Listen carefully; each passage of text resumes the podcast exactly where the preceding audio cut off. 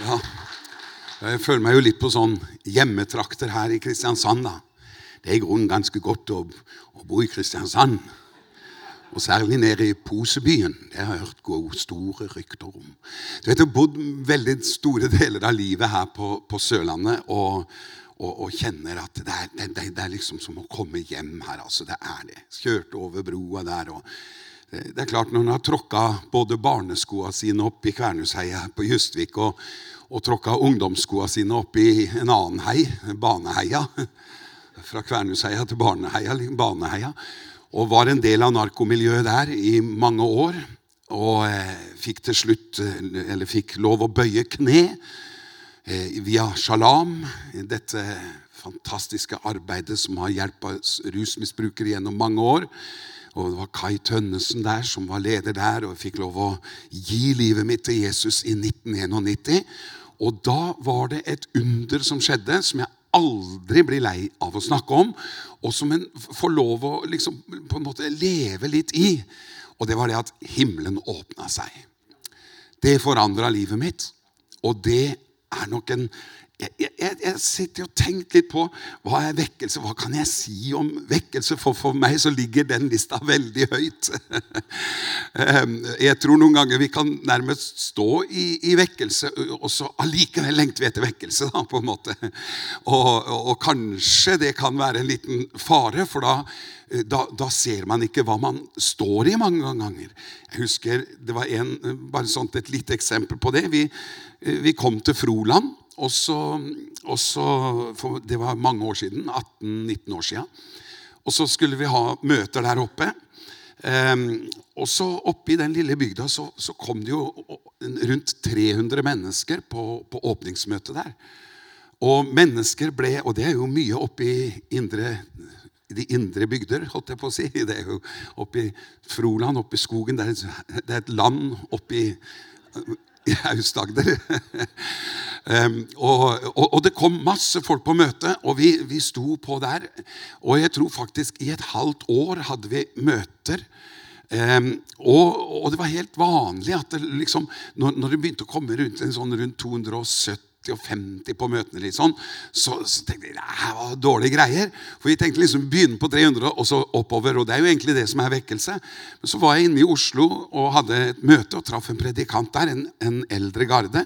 Så fortalte jeg bare litt om, om, hva vi sto i, og så sier han ja, men det er vekkelse, det. sa han. Og jeg tenkte nei, det, er noen herlige møter. Det er jo ikke vekkelse.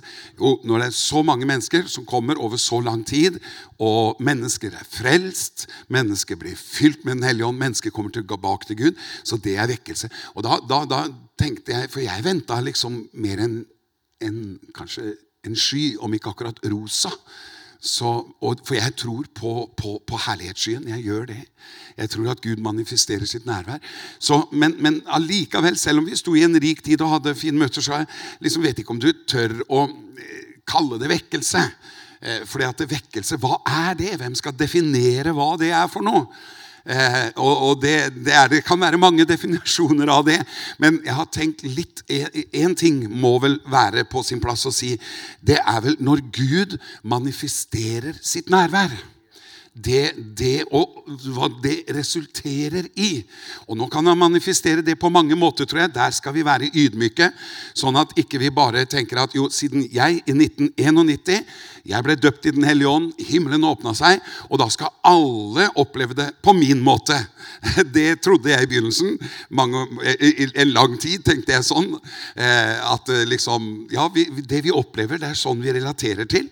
Eh, men etter hvert som årene går, så, så, ser man at eh, Gud kan manifestere seg på så mange måter. Og Hvis vi er litt sånn forutinntatte og har altfor sterke meninger om åssen alt skal være, så kan vi gå glipp av store velsignelser, tror jeg. Kan vi skrape sammen til et lite amen på det? Så skal jeg bare åpne den. Det er bra.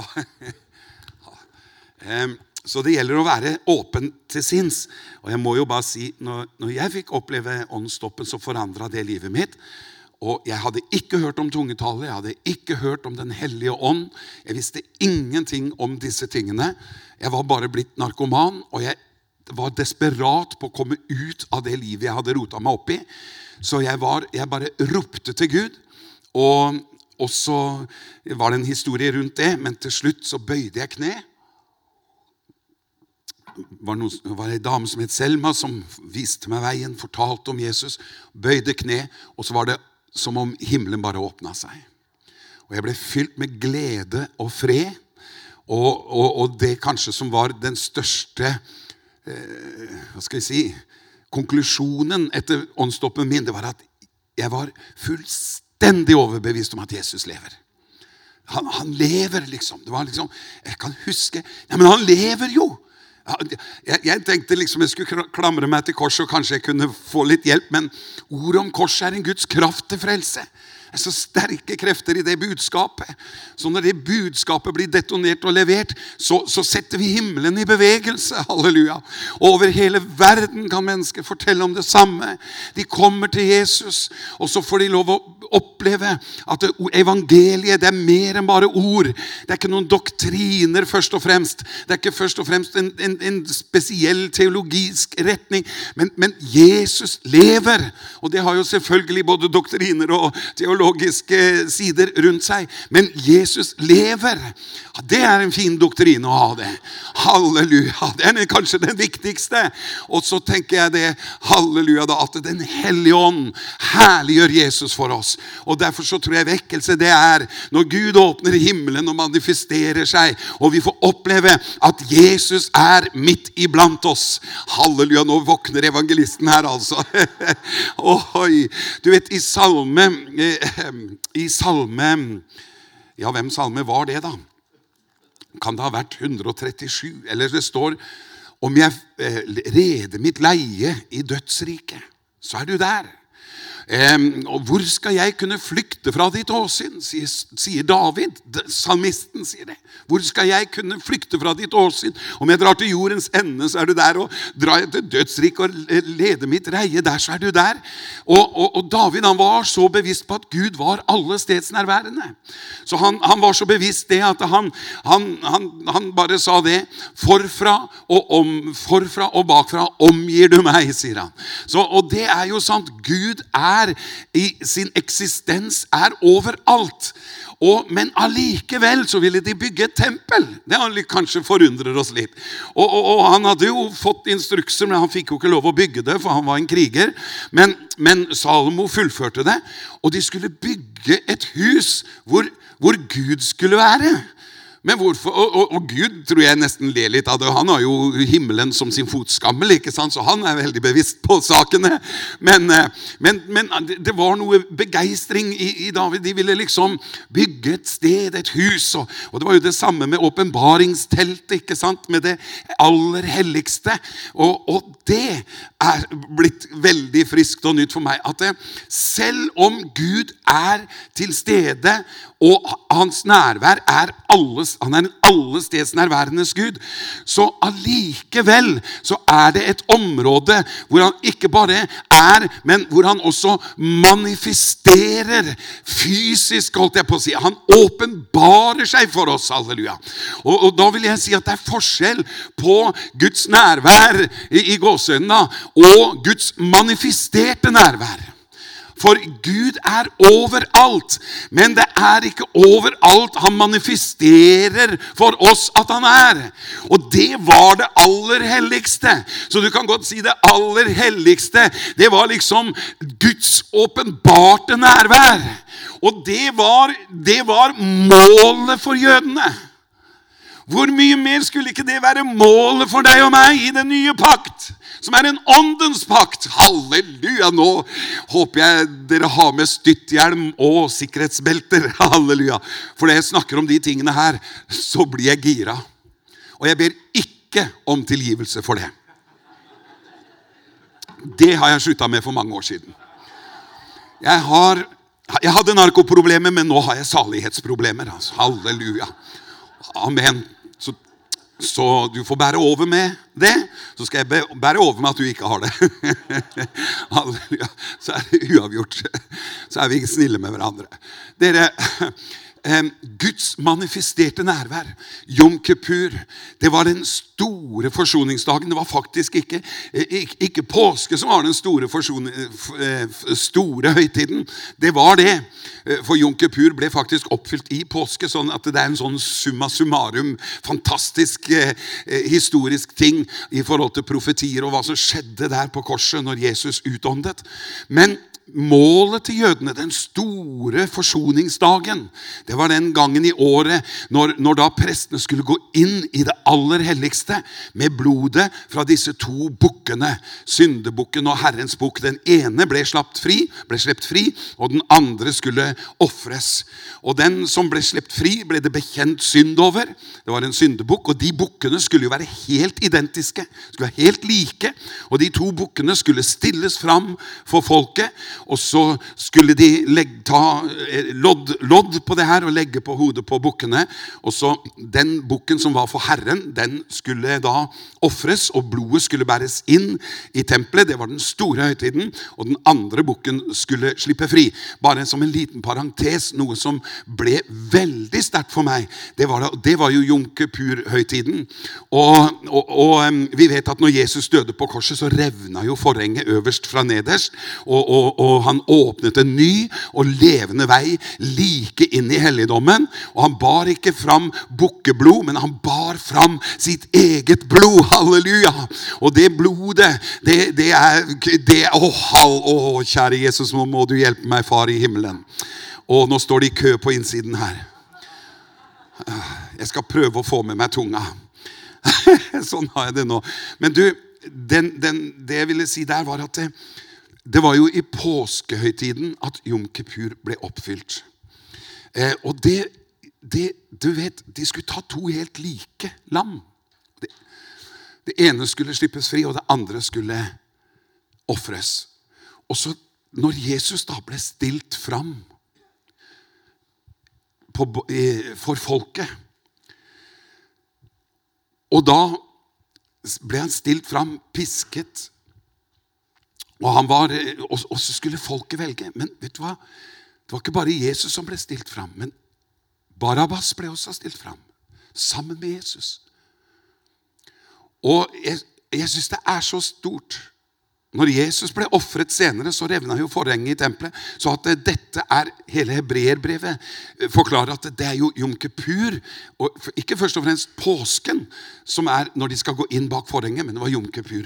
Men det skjedde i påskehøytiden. Eh, sånn at det er tidens fylde der. Mye kunne sikkert vært sagt mer om det, men, men det, det, som grep hjertet mitt, var når jeg så, skjønte hva navnet Barabas betyr. For det, det består av to navn. Det er Bar og så Abbas. Og Bar, det betyr sønn. Samme som Simon bar Jonah. Simon, sønn av Jonah. Bar, det betyr sønn. Og Abba vet vi jo hva betyr. Halleluja. Det betyr far.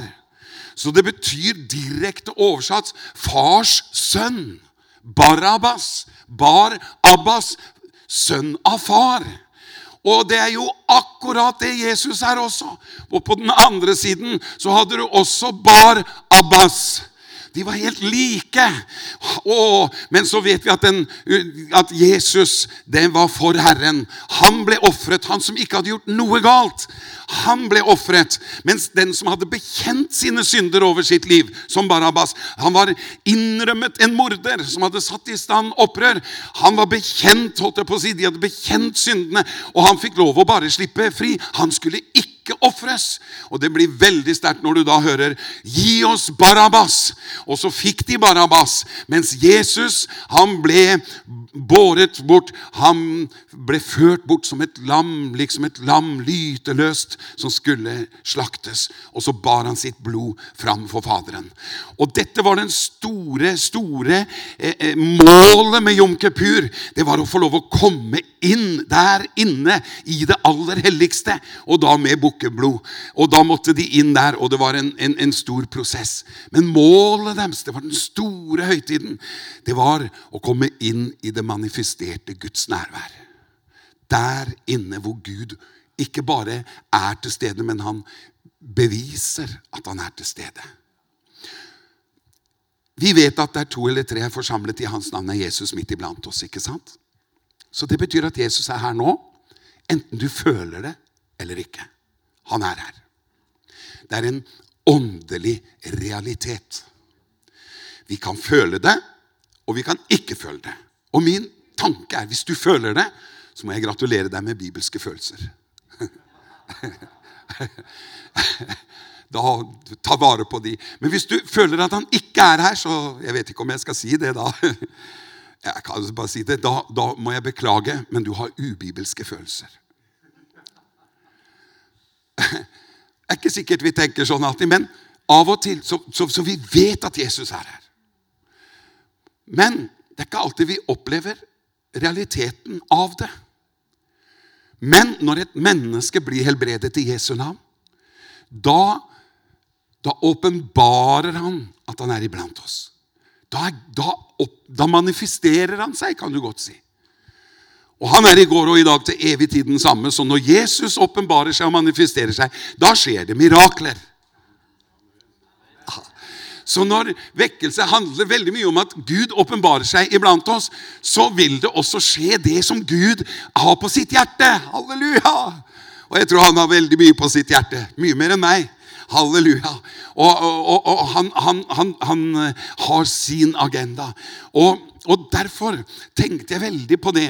At det, det samme med Gud. Gud er alltid til stede, men når han åpenbarer seg, da kan det skje på så mange måter. Jeg elsker å lese vekkelseshistorie. Det, det, det, det, der blir en flott kveld. Du må gjøre hva som helst for å komme her i kveld. Vekkelseshistorie inspirerer så flott. Det, det, er noe som tar tak i hele meg når jeg leser bøker om hva andre har opplevd med Gud. Jeg blir grepet av det. Og jeg, jeg elsker å, å, å, lese om det.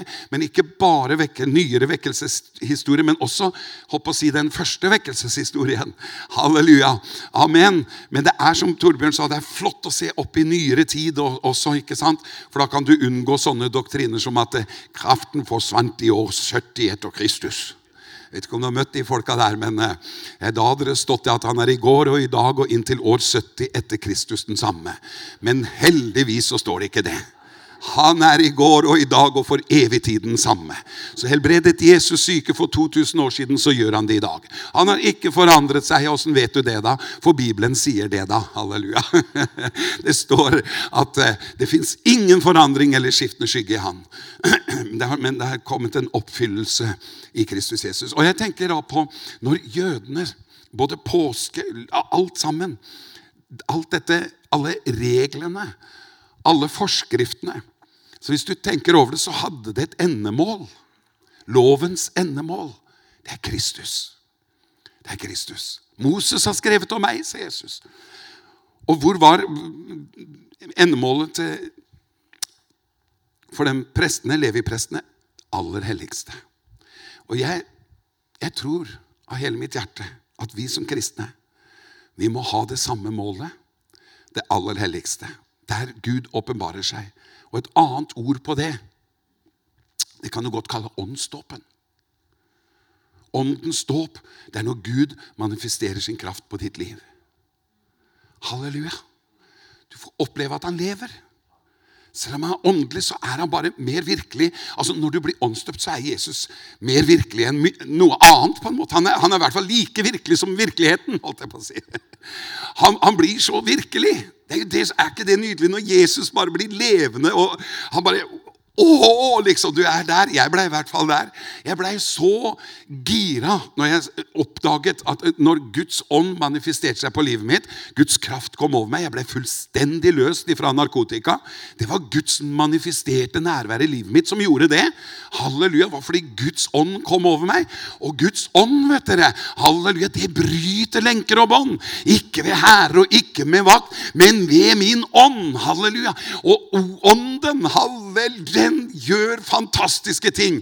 Den bryter lenker og bånd. Den bringer Jesus til oss. og Det blir så levende, og det blir så virkelig. Og troens ånd kommer. Oi, oi, oi, Da er ingenting umulig. Dimensjonen åpner seg. Og der har jeg bestemt meg for å ha fokuset mitt. Og jeg tror det er vekkelse. Det er å bare hele tiden la seg være bevisst av at vi må leve med Gud. Så han er virkelig Og pleie det der nære fellesskapet. Og så kan det hende han kommer med ildtunger. Og jeg har bedt til Gud, kjære Gud, la meg få oppleve det. Men jeg blir ikke skuffa om jeg ikke får oppleve det heller. Det er ikke noe at da er Ingenting er verdt noen ting. Men de første kristne de fikk oppleve tunger like som av ild. Og ingen skal fortelle meg at ikke det er bibelsk. Bare se på til og med den gamle pakt, så var det mye mer enn ildtunger. De hadde en ildsøyle som fulgte, gikk om natten hele tiden. Og de bare fulgte den derre ildsøylen. Og Moses han fikk jo en busk som, ikke, som ikke brant opp, og Gud talte ut av ilden. Og han er den som svarer med ild, for det står at han skal døpe dere med Den hellige ånd og ild. Halleluja. Så ild, det er, det er virkelig en dimensjon som hører hjemme i Bibelen. Og det fikk vi både se på øvre sal og gjennom hele og Opp igjennom til og med eh, Enok. Og, og, og, den, denne ildvognen også. Tenk deg, Vogner som har ild, fikk de se på høydene. Flere er de som er med oss. Så og den Gud som svarer med ild, det er den vi skal lyde. Så ild er det å ha en lengsel etter å, å se kanskje Guds manifesterte nærvær. Også i form av ildtunger, for det er helt bibelsk. Det er mulig, i hvert fall. Eh, nå sier ikke at du skal ta av på det, men, men, men det er mulig. Og jeg syns det gjør kristenlivet så utrolig spennende. Det, det, det, skaper en dimensjon over, over kristenlivet. Men om ilden kommer fysisk, som tunger Så uansett, når du blir døpt i Den hellige ånd, så blir du satt i brann for Herren uansett. Så ilden begynner å brenne i ditt hjerte. enten Du, du trenger ikke å se den, men, men, det er det han skal døpe dere med Den hellige ånd og ild. Og det er så viktig å være døpt i Den hellige ånd og ild, spesielt i denne tiden. dere. Og jeg tror at vekkelse er når Gud manifesterer sitt nærvær, og at tilstrekkelig mange blir berørt av det. Det kan være ildtunger som på Asusa Street eller på Øvre Stal. Da var det ildtunger. Men vi har hørt om andre vekkelser også. Og vi har respekt for alle former for vekkelse. Jeg vil ikke ha vekkelsen på min måte. Om den kommer med latter eller gråt, det får komme som det komme vil. Jeg sier bare, kjære Gud, hjelp meg å, å være åpen for det du gjør. Og da er det godt å ha referansepunkt til Bibelen. Alt som står i Bibelen, det vil jeg ha. Derfor vil jeg ha ildtunger. Halleluja. Og jeg vil også ha som lyden av et veldig stormvær. Jeg er evangelist, vet du, liker stormvær. Så kan du ta den der stille susen. Nei da. Men, men, noen ganger manifesterer han seg i den stille susen. Og vi har respekt for det. Ja, Gud er i det stille, men vi trenger ikke å velge. Hvorfor skal vi hele tiden velge mellom den stille susen og det veldige stormværet? Hvorfor skal vi velge mellom mirakler og, og halleluja og, og, og, bare at Gud er alle steds nærværende? Jeg, jeg, skjønner ikke disse tingene. Jeg, jeg, tror faktisk at Gud han bare ønsker å heie på oss. Og da, da, da har jeg lyst til å lese om døperen Johannes, hvis jeg får lov. For, å, kjære Jesus. Å, halleluja. Det er godt du har den klokka. Jeg vet ikke om det er godt, men den henger der i hvert fall. Så Du vet, døperen Johannes i Matteus evangelium kapittel 3 og vers 11 så står det så er det Jesus som sier, nei, Johannes som sier, 'Jeg døper dere med vann til omvendelse.' 'Men han som kommer etter meg, er mektigere enn jeg.' 'Jeg er ikke engang verdig til å bære sandalene hans.' 'Han skal døpe dere med Den hellige ånd og ild.' Amen. Og så vet vi at det skjedde på Øvre Salen, ikke sant?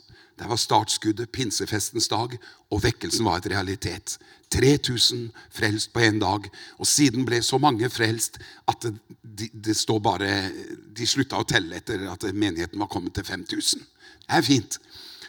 Da, det betyr at eh, vekkelsen kommer til et punkt hvor vi, vi, slutter å telle. Det er ikke så viktig. Det viktige er at det, vi opplever at Gud er der. Gud er til stede. Og jeg må si jeg, gikk, jeg, jeg Kanskje du syns det høres litt sånn rart ut, men jeg gikk fra å være narkoman til å bli helionoman. Jeg gjorde det. Jeg ble jesoman. Det var det jeg ble. Halleluja. Det er helt sant. Jeg ble jesoman. Hva mener du med det? det positivt. Jeg, jeg er så avhengig av Jesus. Og når jeg fant Jesus og de kildene der Vet du hva, Jeg har prøvd det meste som er å prøve av rusmisbruk. Rus. Men det var visse stoffer som ikke var oppfunnet på den tida. Hadde det vært det, så hadde det vel Men, men jeg ble så avhengig av Jesus. Jeg, og jeg kjente bare en sånn Å, dette vil jeg gi livet mitt til. Dette vil jeg leve for.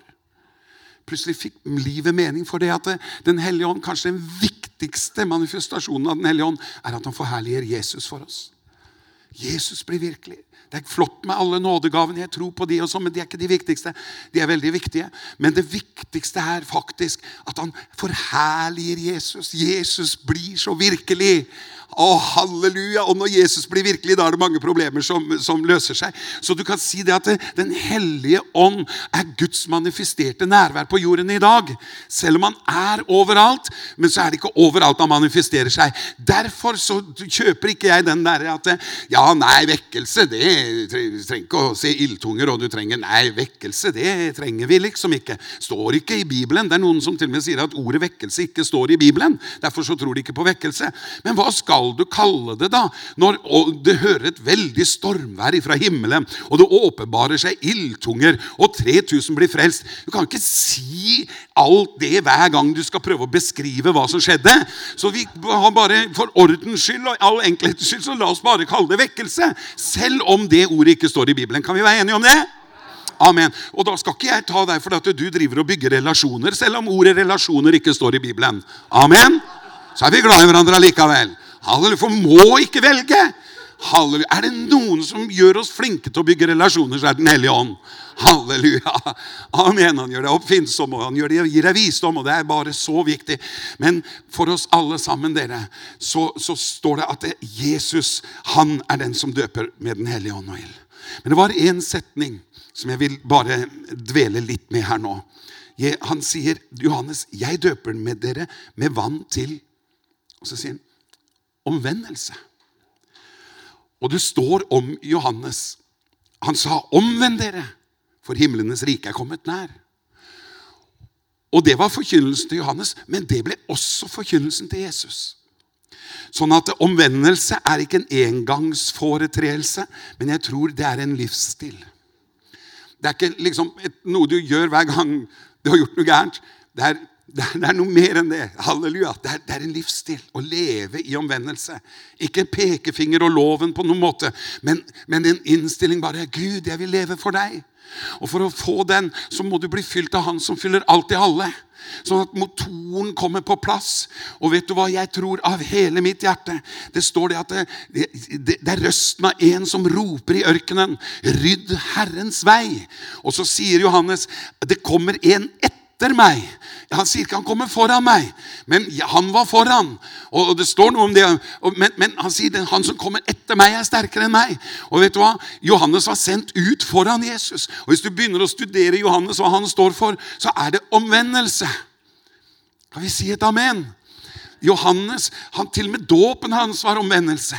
De kom ut og bekjente sine synder. De, de, omvendte seg, de justerte seg. Og hva skjedde når de hadde vært og besøkt Johannes? Da Da sier Johannes, 'Det kommer en etter meg'. Jeg vil la det være mitt bidrag inn i det som har med vekkelse å gjøre. Jeg tror mange ganger vi hopper over Johannes. Vi vil helst ha bare Jesus. Men Jesus han kommer etter Johannes. Det er et åndelig prinsipp. For du skjønner, Johannes han hører hjemme i Det nye testamentet. Jeg lurte lenge på åssen han hadde rota seg inn i Det nye testamentet, denne gammeltestamentlige profeten. Men det står begynnelsen til evangeliet om Jesus Kristus er røsten av en som roper i ørkenen. Så du skjønner, evangeliet, loven og profetene hadde sin tid inntil Johannes. Ikke inntil Jesus eller inntil pinse, men inntil Johannes. Så du skjønner, Johannes hører hjemme i Det nye testamentet, og det er derfor han er der. Fordi at skal du møte Jesus, så må du liksom hva skal jeg si, Hvordan skal du bli frelst? Jo, du omvender deg og tror. Halleluja. Du tror at Jesus er Guds sønn, og alt det, men det fins også en omvendelse. Det betyr en vilje til å leve for Gud. At er, det fins noe på innsiden som er villig til å gi slipp på, på herredømme over livet sitt og la Jesus få lov å bestemme. Og vet du hva? Når du og jeg er i en sånn fase av livet hvor vi bare sier 'Jesus, jeg kapitulerer', det var det jeg gjorde i hvert fall i 91. Jeg hadde prøvd å få orden på livet mitt, jeg fikk det ikke til. Og så kapitulerte jeg, og jeg husker at jeg mente alvor. Men jeg sa, 'Jesus, jeg gir deg livet mitt'. Jeg, jeg, jeg, jeg gir deg liv. Jeg gir deg livet mitt. Og der ble jeg døpt i Den hellige ånd og ild. Og For meg så var den stunden på tre dager hvor jeg kjempa en kamp. Noe i meg ville, og noe ville ikke. Men jeg bare visste at skulle jeg bli en kristen, så måtte jeg gi slipp på rusmidlene mine. Det var så innlysende for meg. At, og det var mye av det som holdt meg igjen fra å bli en kristen. For jeg trodde ikke jeg skulle klare det. Men det jeg ikke skjønte, var gjenfødelsens dimensjon. Får vi ta en annen gang. Så den ordna opp med det. at å klare Det det er bare Den hellige ånd. Du må bli fylt for å bli tømt. Halleluja. Men så må du på en måte tømmes for å fylles også. Det, den går to veier, den der. der. Halleluja. Først må du tømmes. Det betyr at du bare nullstiller deg for Gud og sier, 'Herre, jeg er tilgjengelig for deg'. Jeg vil koble med dine planer. Jeg legger mine planer til side. Snakker ikke om alle de spesifikke syndene, sånn, men de også. Halleluja. Ta de. Men, men men det er det å gjøre seg tilgjengelig. Bare si, 'Gud, himmelske Far, nå vil jeg leve med deg.' Nå vil jeg, bare, nå vil jeg koble med dine planer. Skje din vilje, ikke min. I himmelen så på jorden. Og når det skjer, da utløses himlenes krefter. Det er som om Johannes er på besøk. Og hva er det Johannes gjør? Han rydder vei for han som døper med Den hellige ånd og ild. Og det er noen ganger sånn. Hvem er det som ofte blir åndsdøpt? Det er mennesker som har kanskje bare et, et sukk i sitt hjerte etter en forandring. Etter å, etter, å, etter å, leve sammen med Gud. Etter å leve for Gud. Som har et ønske oppriktig. Gud ser til hjertet. Så det, det er ikke alltid at du åh, Det er så mye som kunne vært sagt om dette. Men, men foran Jesus går Johannes. Og når når, når da hele jødedommen hadde som mål å komme inn i det aller helligste for å oppleve Guds manifesterte nærvær, så bør det være sånn for oss også. Og da vet vi at det er en vei inn der. Og er, det er en nådevei. Det er absolutt, absolutt viktig å få med. At på grunn av Jesu blod, så han bar sitt blod, eget blod inn for Faderen. Og, han åpnet en ny og levende vei og det er sånn at i Jesu blod har vi frimodighet til å gå like inn i helligdommen. Så det er av bare nåde. Men så samtidig så avslutter jeg med dette her at vi er skapt for å ha samfunn med Gud. Vi er skapt til den dimensjonen å være kobla med Gud. Det, det, det, før syndefallet så levde Adam og Eva connected, altså kobla sammen med Gud. Det, det, vi er designa for den dimensjonen. Å kunne samtale med Gud. Vi er laget sånn. Men så kom syndefallet, og vi ble atskilt fra Gud. Og, og det var vi ikke skapt for. Og Derfor vil det finnes et tomrom i alle menneskers hjerte som ikke er connecta med Gud. Og Du kan godt kalle det å bli connecta med Gud og komme inn i helligdommen få gjenopprettet samfunnet med Gud, det kan oppleves stille og udramatisk. Du kjenner kanskje bare tårene renner, og Jesus blir virkelig for deg. Eller du kjenner du blir fylt med glede og takknemlighet og begeistring. Ja, den, det, hvordan Den hellige ånd manifesterer seg. Den, han er jo så rik, så jeg tror ikke vi skal gjøre det til bare én eller to måter å gjøre det på. Men uansett, når Gud manifesterer sitt nærvær, det er vidunderlig. Det er vidunderlig å bli fylt med Den hellige ånd. Det er så nydelig at det er så nødvendig også. Og der tror jeg at Gud ønsker oss alle sammen. Hva var det ropet i Edens hage var? Når tragedien hadde funnet sted. At mennesket ble atskilt fra Gud. Og det vi har tenkt, den dimensjonen, det manifesterte nærværet, at vi kan samtale med Gud. Kjenne smak og kjenne at han er nær. Samtale med ham, vandre med ham, være i fellesskap med Gud. Når det fellesskapet ble brutt, så fra Guds side så ropte han bare 'Adam, hvor er du?' sa han. Og det ropet der tror jeg klinger i åndens verden som et ekko enda. Adam, hvor er du? Jeg er helt sikker på at når du søker Gud, og du begynner å, å, kjenne på dette, så vil man kjenne dette ropet fra Edens hage, dette ekkoet. Menneske, hvor er du? Og der ser du at Gud er bare interessert i å gjenopprette det som har gått i stykker. Og, og det tror jeg er vekkelse når mennesker gir et gjensvar på det. Og, og hva har det med omvendelse å gjøre? Jo, det har med omvendelse å gjøre på denne måten. Hvor er du? Det, det handler først og fremst om å bare kjenne at Gud kaller på deg. Hvor er du, menneske som vandrer borte fra mitt åsyn? Som vandrer borte fra det fellesskapet som jeg har laget deg til? Hvor er du? Hvor er du hen i landskapet? Jeg ønsker å tale til deg. Jeg ønsker å ha fellesskap med deg. Jeg ønsker å helbrede deg. Jeg ønsker å manifestere meg for deg. For Gud er en Gud som manifesterer seg for mennesker. Han, han elsker å åpenbare seg for oss. Han, det var jo derfor Jesus kom. Han åpenbarte Faderen for oss. I busken til Moses der, der åpenbarte han seg. Han åpenbarte seg i tempelet. I der, når, når, når, Salomo hadde endt bønnen. Han åpenbarte seg over eh, i, i, i i røkelsen der. Han talte ut ifra røken, og han åpenbarte sitt nærvær inne i det aller helligste. Og gjennom hele Bibelen så ser du at Gud er en Gud som åpenbarer seg for mennesker. Som viser seg. Han, han lar seg finne av den som søker ham. Halleluja! Er ikke det fint? Og det gir meg et sånt nydelig utgangspunkt. Er at det, Gud han sier at han lønner den som søker ham. Og så er det ikke noe at du skal liksom leite hele livet, men han vil belønne deg fordi at du søker han. Så interessert er Gud i å være sammen med deg og meg. At han vil belønne oss. Og så sier han 'jeg lar meg finne'. Det er som om han bare oppmuntrer oss på alle måter liksom, til å søke inn til han og få lov å oppleve og erfare at han lever i dag. Han er i går i dag til evig tid den samme. Og han vil lønne den som søker ham. Og, og dette ropet 'Adam, hvor er du?' Det tror jeg personlig kommer til å være et rop som runger inn i travelheten vår. Inn i feilprioriteringene våre. Inn i måten vi lever på. Kanskje det er vaner. Og så roper Gud inn i vanene våre. Hvor er du? Hvor er du? Du er jo allestedsnærværende. Det er to eller tre er på møte, der er han midt iblant oss. og Jeg er ikke så opptatt av at han skal være eh, Hvor er du? liksom sånn.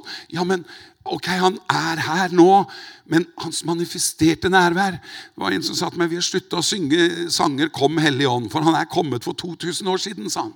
Og Da kjente jeg at det skar i vekkelseshjertet mitt.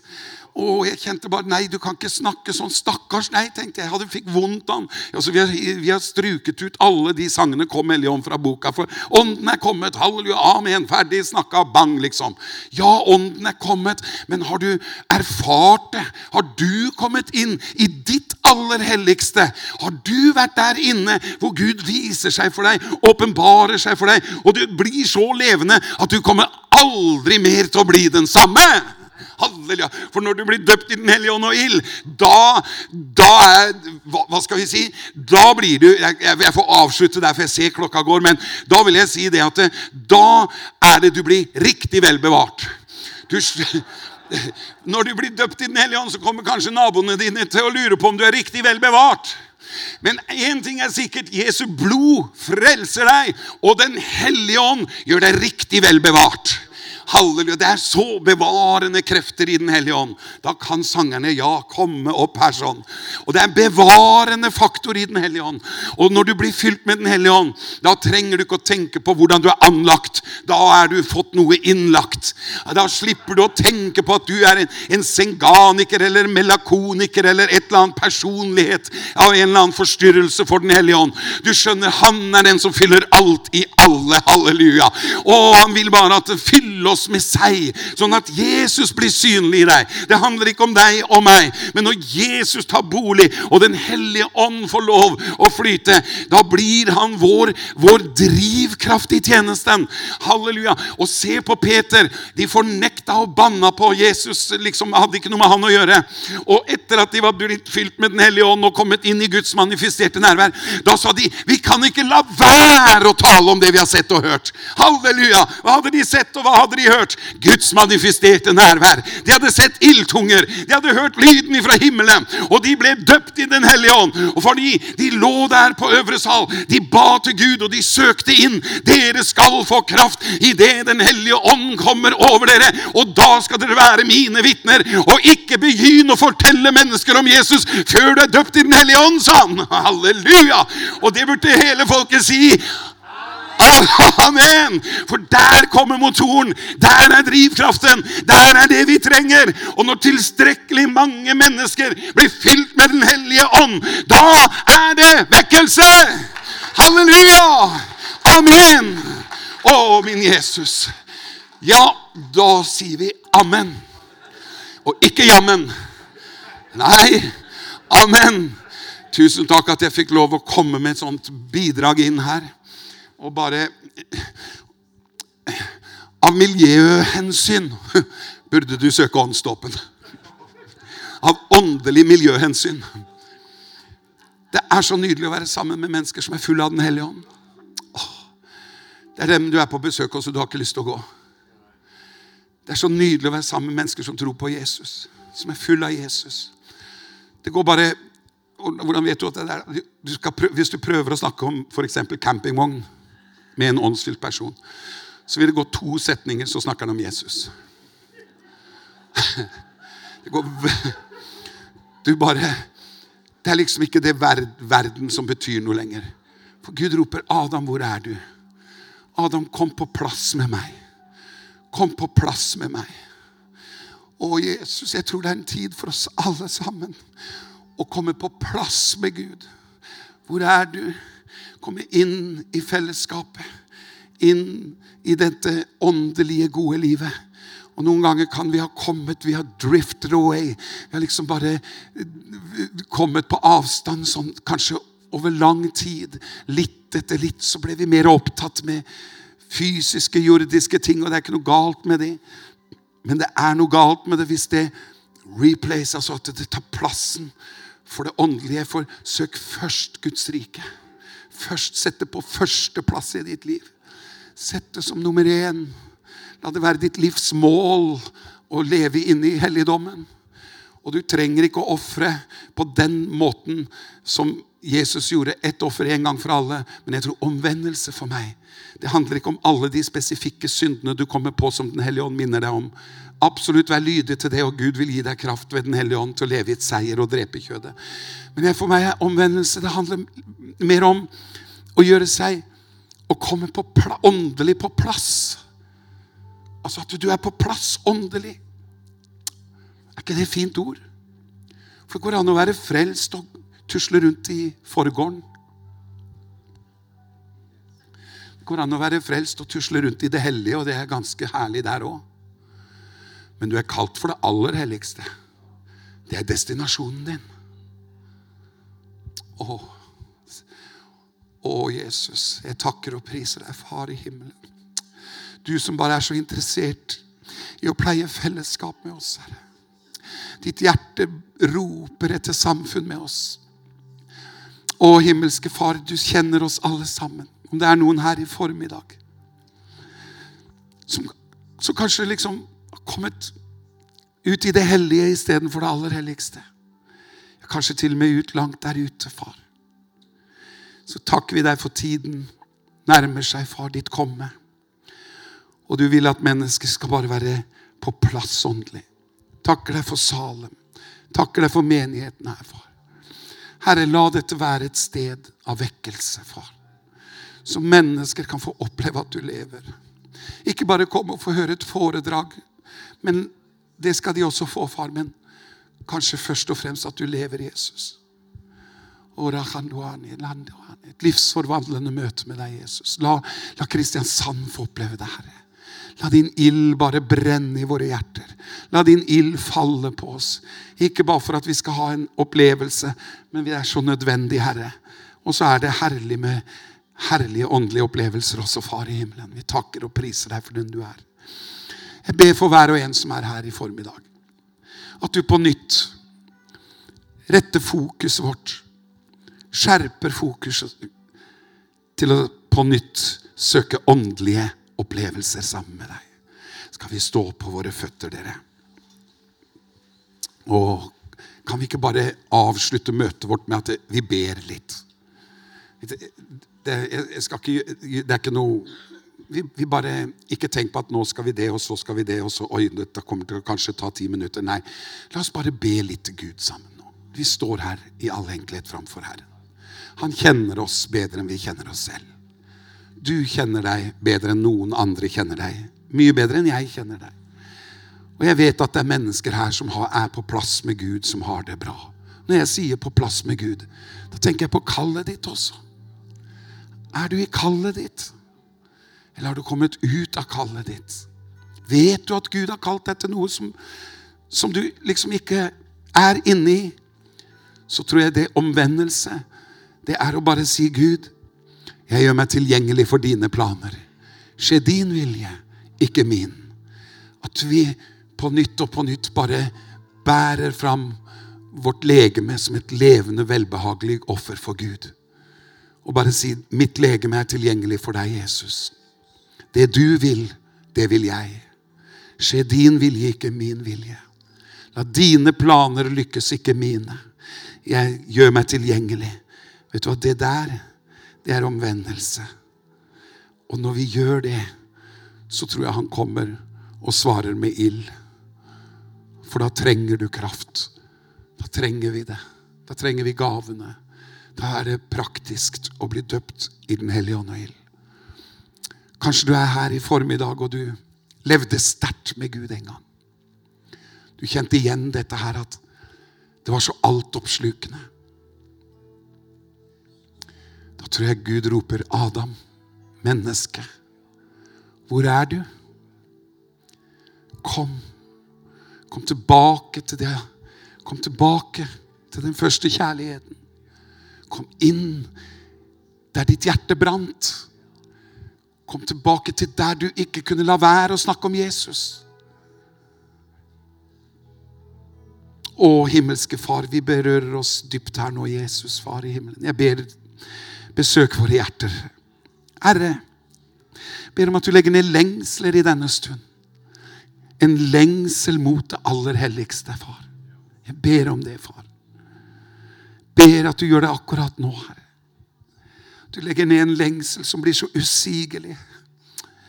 Og det er så godt å være i ditt nærvær, Gud. Og du har så mye godt for oss. Å, himmelske Far, vi vil bare løpe med dine planer framover, Herre. Og jeg ber for hver og en at de skal komme på plass med dine planer i sitt liv.